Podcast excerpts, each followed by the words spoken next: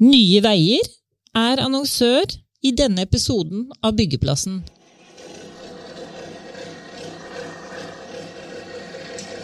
Regjeringa vil ha fossilfrie anleggsplasser innen 2025. Hva betyr det, og hvordan skal det skje?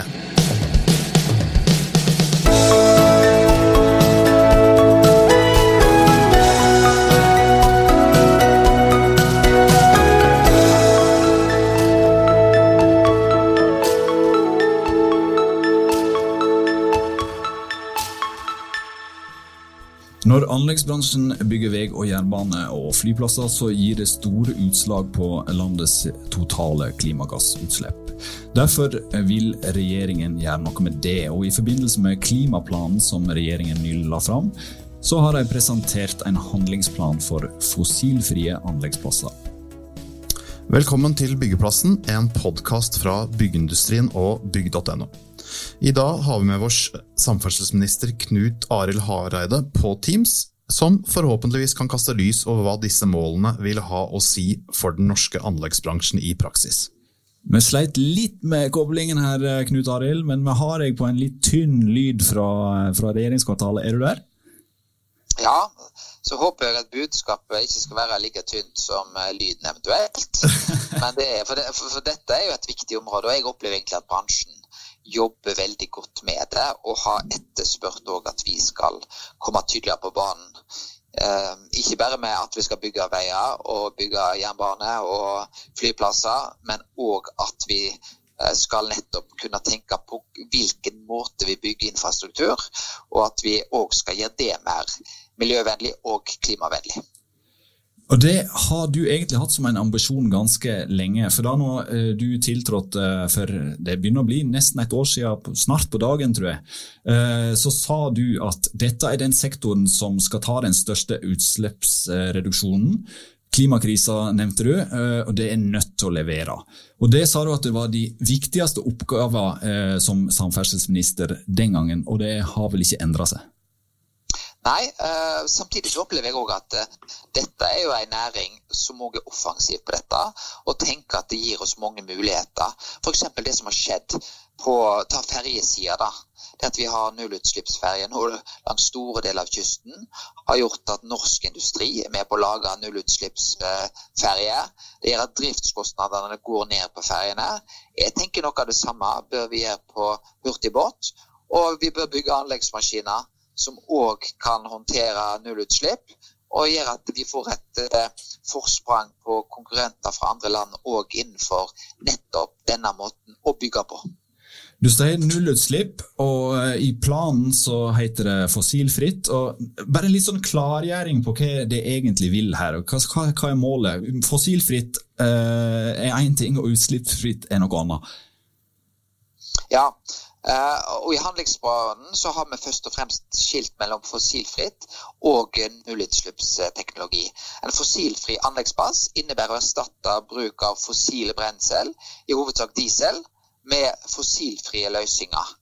Og En fossilfri anleggsbas kan i tillegg til nullutslipp teknologi.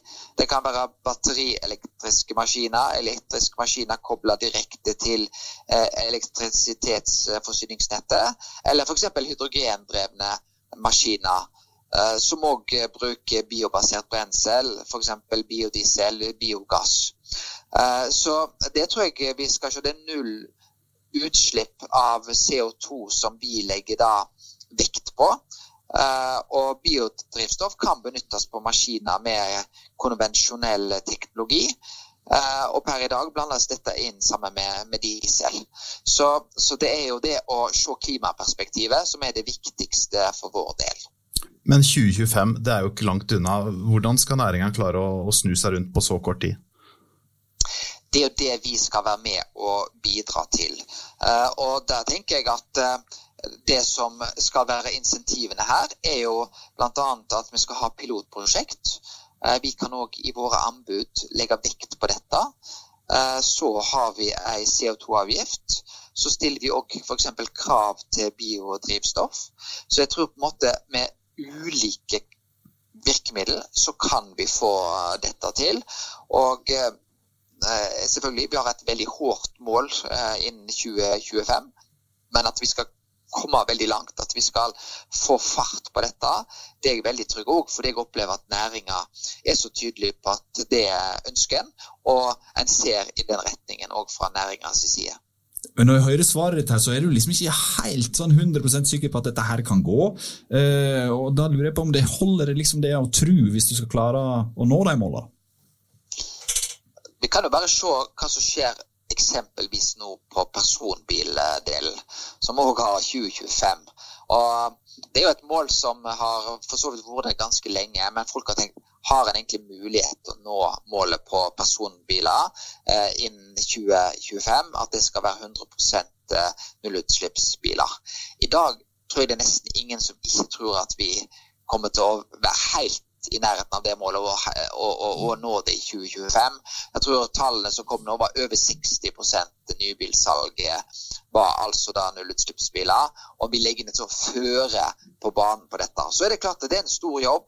Uh, og det er klart at uh, vi vet jo det at uh, fossilbaserte anleggsmaskiner har vel nesten en tredjedel av prisen i dag som nullutslippsmaskiner har. Så vi må være med og bidra til dette og eh, jobbe aktivt mot det. Eh, og så er det jo da eh, fire-fem år på å nå dette. Og jeg tror vi skal komme veldig langt. Og jeg tror det er nødvendig å sette hårete mål for å kunne nå det. Og vi, vi gir jo et veldig tydelig signal til hele næringa at nå skal skje en omstilling på, på dette området. Og det tror jeg òg til dels er etterlekta. Da vet en hva en må levere for å være med òg i konkurransen framover. Men noe av nøkkelen med suksessen på elbil har jo vært insentivordninger. Du nevner det, og det er jo det entreprenørene sier til oss òg, både store og små. Hvordan skal vi få råd til dette, hva skal vi dekke, kommer det noen insentivordninger à la det du nevnte, elbil, for anleggsbransjen? Ja, og vi tenker jo nettopp de pilotprosjektene som skal være der. Og så ligger jo det òg en tenkning nettopp i, eh, i avgiftssystemet med, med CO2-avgift og muligheten til krav til biodrivstoff inn her. Så det vil jo eh, så absolutt òg komme da økonomiske insentiv for å følge opp den målsettingen som ligger i denne planen. Eh, et annet tiltak eh, som blir nevnt konkret i, i handlingsplanen, er jo anskaffelser og bruk av det som virkemiddel og sette krav der. Uh, I dag så er det vel um, i, stag, i, dag så sier anskaffelsesforskriften at oppdragsgiver skal legge vekt på å minimere miljøbelastningen og fremme klimavennlige løsninger ved sine anskaffelser, og at en kan stille miljøkrav og kriterier i alle trinn av anskaffelsesprosessen der det er relevant og knytta til leveransen. Og så står det også det at uh, der miljø blir brukt som tildelingskriterium, så bør, bør det eh, som hovedregel eh, vektes minimum 30% Og Da lurer vi på om eh, bør denne her setningen der endres fra bør til skal? Ja, jeg tror òg å se på den type formuleringer blir viktig for å nå den eh, målsettingen. Og så har ikke vi konkludert på, på, Vi har ikke gått igjennom dette uh, ord for ord nå. Men jeg tror nok at en kommer til å se skjerpa krav òg på dette området.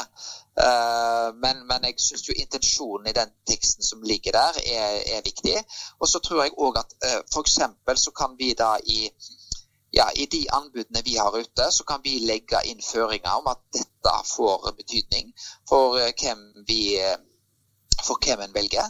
Og da vet òg at de som opererer innenfor uh, denne sektoren, at da må vi levere nettopp på klima og miljø for å ha en reell mulighet for å bli vurdert for de ulike prosjektene. Og det har, har stor, stor effekt. Så vil jo det kunne føre til eksempelvis en noe kostnadsøke. For vi vet at den kostnaden som da ligger der, må, må selvfølgelig vi fra staten være med og ta noe av. Men det blir òg lagt over på, på prosjektene eh, naturlig nok. Men det blir sagt eh, fra bransjeholdet her da, i hvert fall at, eh, at det er mange bestillere i dag som ikke vekter miljø, og at det derfor er viktig at dere skal over til en skall. Er de gode nok i dag, bestillerne? Nei, og Det tenker jeg er en, er en god utfordring til oss uh, å, se nettopp fra dette perspektivet. Det er, ikke, det er ikke bare staten som uh, driver med bygg og, og anlegg uh, og infrastrukturbygging.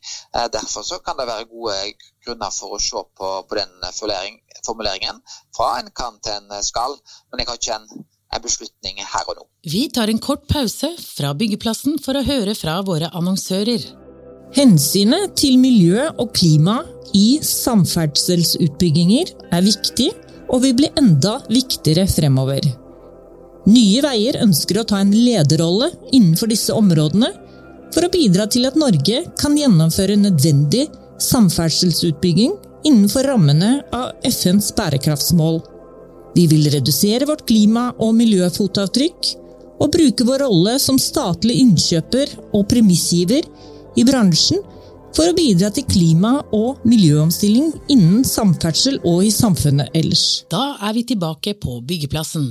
Men kan du si litt mer om pilotprosjekt som du nevner? Det vet det har vært stor interesse for i næringa, og folk lurer på hva som kommer. Hva Ja, altså, jeg tenker Det er jo viktig at vi kan få vist hvordan dette skal gå til. Eh, og, og jeg tror ikke bare insentiv økonomisk. Vi må vise at dette går an.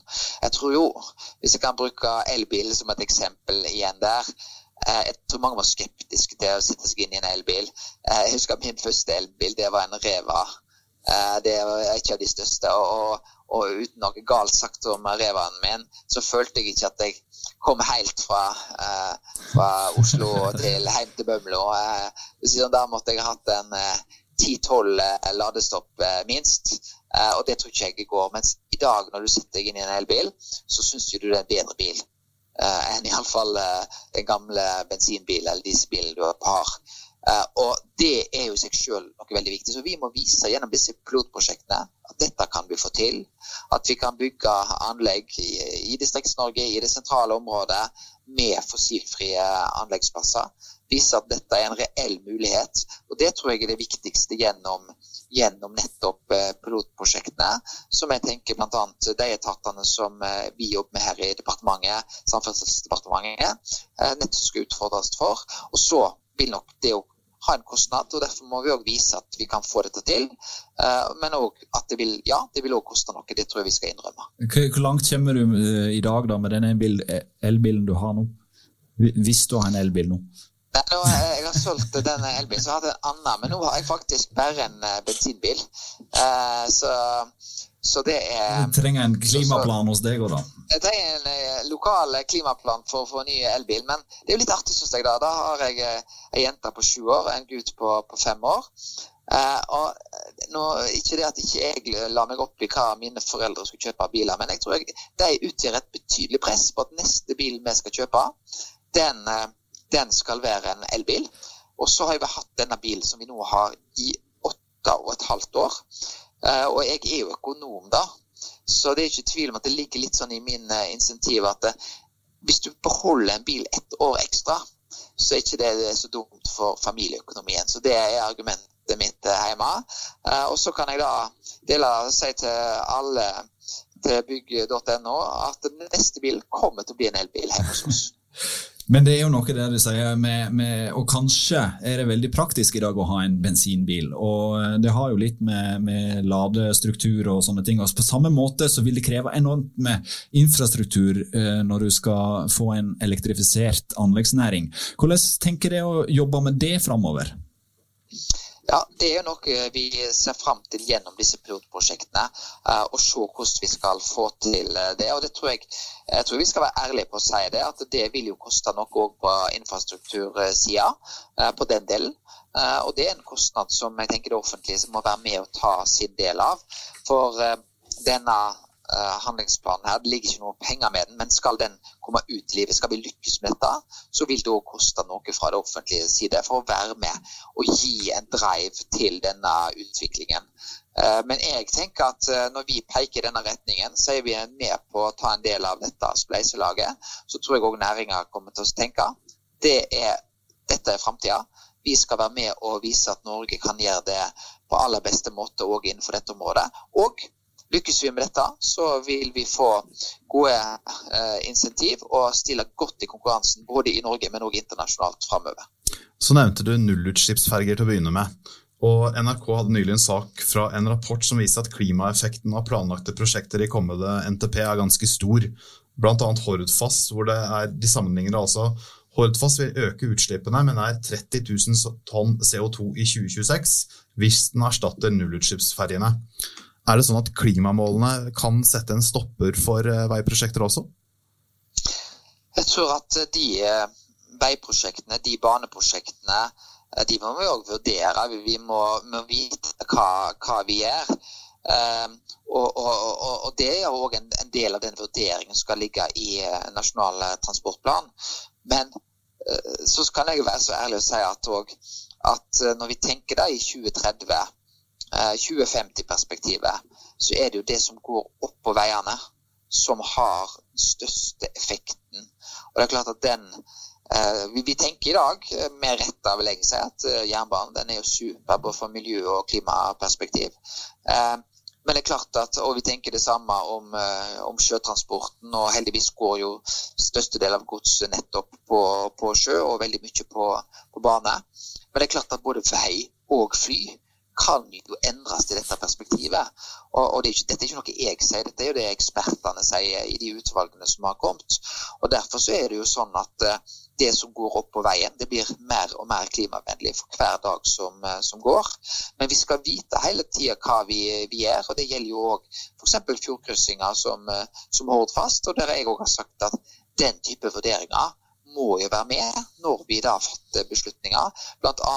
i Nasjonal transportplan, som eh, jeg jobber veldig mye med i disse dager, og som, som da vi planlegger å komme med da i, mot slutten av eh, mars. Og da når du har Nasjonal transportplanarbeid så eh, friskt i minnet, holdt på å si, ligger materialbruk og sånne ting inne der? Kommer det til å stille strengere krav, strengere krav til byggherrene der, for miljø?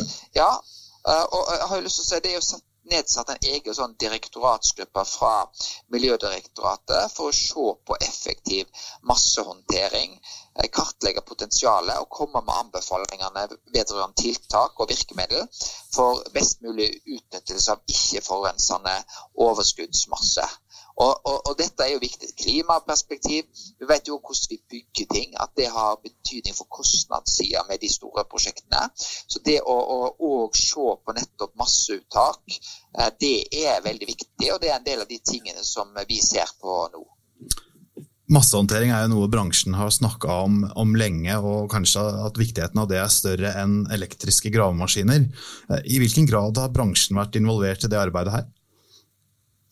Vi prøver å ha eh, dialog med bransjen. Naturlig nok så er det departementet som, som jobber ut denne type handlingsplaner. Men uh, vi kommer ikke så langt uten å, å lytte til, til, en bransje. Men vi opplever å se en bransje som er offensiv, som òg tenker positivt. Og så tror jeg noe av det viktigste for bransjen er at vi òg eh, kommer med litt økonomiske virkemidler for å følge opp dette på en eh, god måte. Eh, og jeg opplever òg at bransjen har tatt positivt imot dette. Jeg tror Spørsmålet er selvfølgelig når vi måler 2025, men uansett så er jeg helt sikker på at vi kommer til å få et helt annet tempo og helt annen fart på dette. Når vi da både er så tydelige på det som går på CO2-avgift, biodrieselmulighetene, men ikke minst òg at vi kommer med konkrete pilotprosjekt som ikke minst bransjen har ønska, så er jeg sikker på at vi skal få fart på dette eh, arbeidet på en helt annen måte enn vi har hatt eh, tidligere.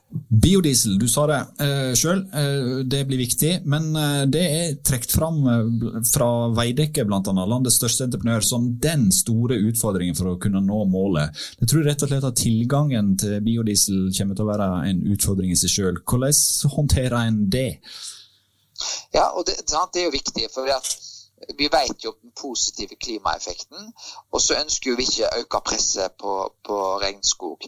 Men avansert biodrivstoff er jo produsert av rester og avfall fra næringsmiddelindustri, landbruk eller skogbruk. Altså råstoff som ikke øker presset på, på regnskog. Eh, og det er jo viktige føringer, for det, vi må jo se sammenhengen mellom det vi gjør. Og jeg tror biodrivstoff nettopp med den avanserte biodrivstoffen vil ha en veldig positiv effekt, men det må ikke gå utover Men er tilgangen god nok? Er det det? Uh, altså det, det, er også sånn at når du Vi vet jo at det er viktig, men uh, det, det, er jo også sånn at Med flere nullutslippsbiler på veiene, så gjør jo at drivstoffsalget er fallende. og Det gir rom for å øke omsetningskravet for veitransport uten at det totale volumet øker, som et eksempel. Eh, å øke etterspørsel, som jeg nevner, og bærekraftig biodrivstoff, vil gjøre det mer lønnsomt å produsere sånt eh, drivstoff. Um, og en ny rapport fra Miljødirektoratet som, eh, som Miljødirektoratet har fått utarbeidet, viser at global produksjon av avansert biodrivstoff er ventet å bli tredobla innen 2025. Mm. Om, om, det slår til, skal ikke jeg si, så, men, men, det ligger muligheter her. Og jeg tror òg at uh, eksempelvis den planen vi har lagt fram her, så er biodrivstoff en av nøkkelen for å nå, uh, for å nå uh, den målsettingen. Men du har jo, du har jo vi snakka om begrepene her til å begynne med. Du har eh, fossilfritt, og så har du utslippsfritt. Ganske stor forskjell på det. Altså, du hadde et fossilfritt eh, prosjekt i Oslo hvor du hadde elektriske gravemaskiner nede i byen her, med en stein fra Kina. Fra, fra, India. Fra India. Eh, og så har du eh, nullutslipp eh, og elektrifisering. Hvordan skal vi komme oss fra fossilfritt og over dit? For det er vel der vi må. Ja da, eh, og jeg tror at vårt mål er at anleggsplassene skal være fossilfrie innen 2025. Det er en betydelig jobb å, å, å gjøre her. Men jeg tror òg at det dere stiller gode spørsmål knytta til biodrivstoff og, og, og, mulighetene på det. Men jeg tror òg at den utviklingen vi ser, eh, og med det internasjonale tilgangen, så har vi gode muligheter for å, for å, å nå det. Og jeg tror den retningen vi peker, den er uansett utrolig viktig. Eh, jeg vet at timeplanen din er stram, vi nærmer oss slutten. Men et sånt avslutningsspørsmål kan være for Når jeg leser handlingsplanen, så ser jeg at dere har vært i, eh, i, kontakt med mange av maskinprodusentene som er nøkkelfolk her. Eh, og Hva slags signal får det med tanke på teknologiutvikling der? Kan Norge som et lite marked, vi er jo egentlig knøtt i, i anleggsbransjen sånn globalt sett, kan vi være med å dra en sånn utvikling her i, i nord? Altså, nå har jeg jo nevnt elbilene veldig mye, men vi er jo en knøtt òg når det gjelder bruk av biler i verden. Eh, men likevel så er det sånn at når Tusk og andre har nesten pekt på en utvikling, så sier de 'look to Norway'. Og Noe av det samme håper jo vi at vi skal skje nettopp innenfor denne sektoren. her. Og Den anleggsbransjen vi har i Norge er jo òg fantastisk. Bare se på hva, hva, vi får til med bygging av undersjøiske tunneler. Verdens lengste har vi bygd, og nå skal vi bygge en som er enda lenger. Eh, så, så, og, og, Hvis du ser hvordan både bane- og veiutbygginga eksempelvis i Norge er teknologisk utrolig avansert, så tror jeg òg at vi skal løse denne utfordringen som går på klima og miljø. Eh, vi ligger utrolig godt av når det gjelder kompetanse. Og bygge en næring som er kompetanseledende i verden. Og da må vi òg håndtere klima- og miljøsida. Og der kan vi òg gå i front, sånn som vi har gjort egentlig på, på, utvikling av eh, deler av infrastrukturen vår. Så ja, uh, vi har lytta til næringa. Jeg syns det er veldig bra at de er så positive. Og så er det jo viktig at vi da følger dette opp gjennom konkret handling. Da tror jeg vi setter en uh, fin strek der, og så takker vi for at du ble med oss uh, på Teams. Lyden ble ikke så hakkende galen heller. Nei, og nå kan vi jo kanskje komme tilbake til regjeringskvartalet en gang i mars og høre litt mer om NTP. Det har vært veldig spennende. Nå får vi satse på at koronaen kommer under kontroll, sånn at vi får uh, møte flere folk igjen. Tusen takk, Knut Arild Hareide, for at du ble med oss. Er du der? Tusen takk. ja, det er... Da ser jeg fram til neste NTP-podkast. Ja, skal vi gjøre det? Når kommer NTP? Jeg ser stivt mot 19. Eh, mars. Uh, men så vet jo du, vi er i sluttfasen av dette arbeidet her, så, så jeg kan verken love eller bekrefte noe uh, ennå. Skal vi si at vi har en avtale om i hvert fall å ta en NTP-pod rundt da? Det er jeg veldig klar for. Kjempebra. Tusen takk for at du var med oss, og så snakkes vi plutselig igjen. Nye Veier var annonsør i denne episoden av Byggeplassen.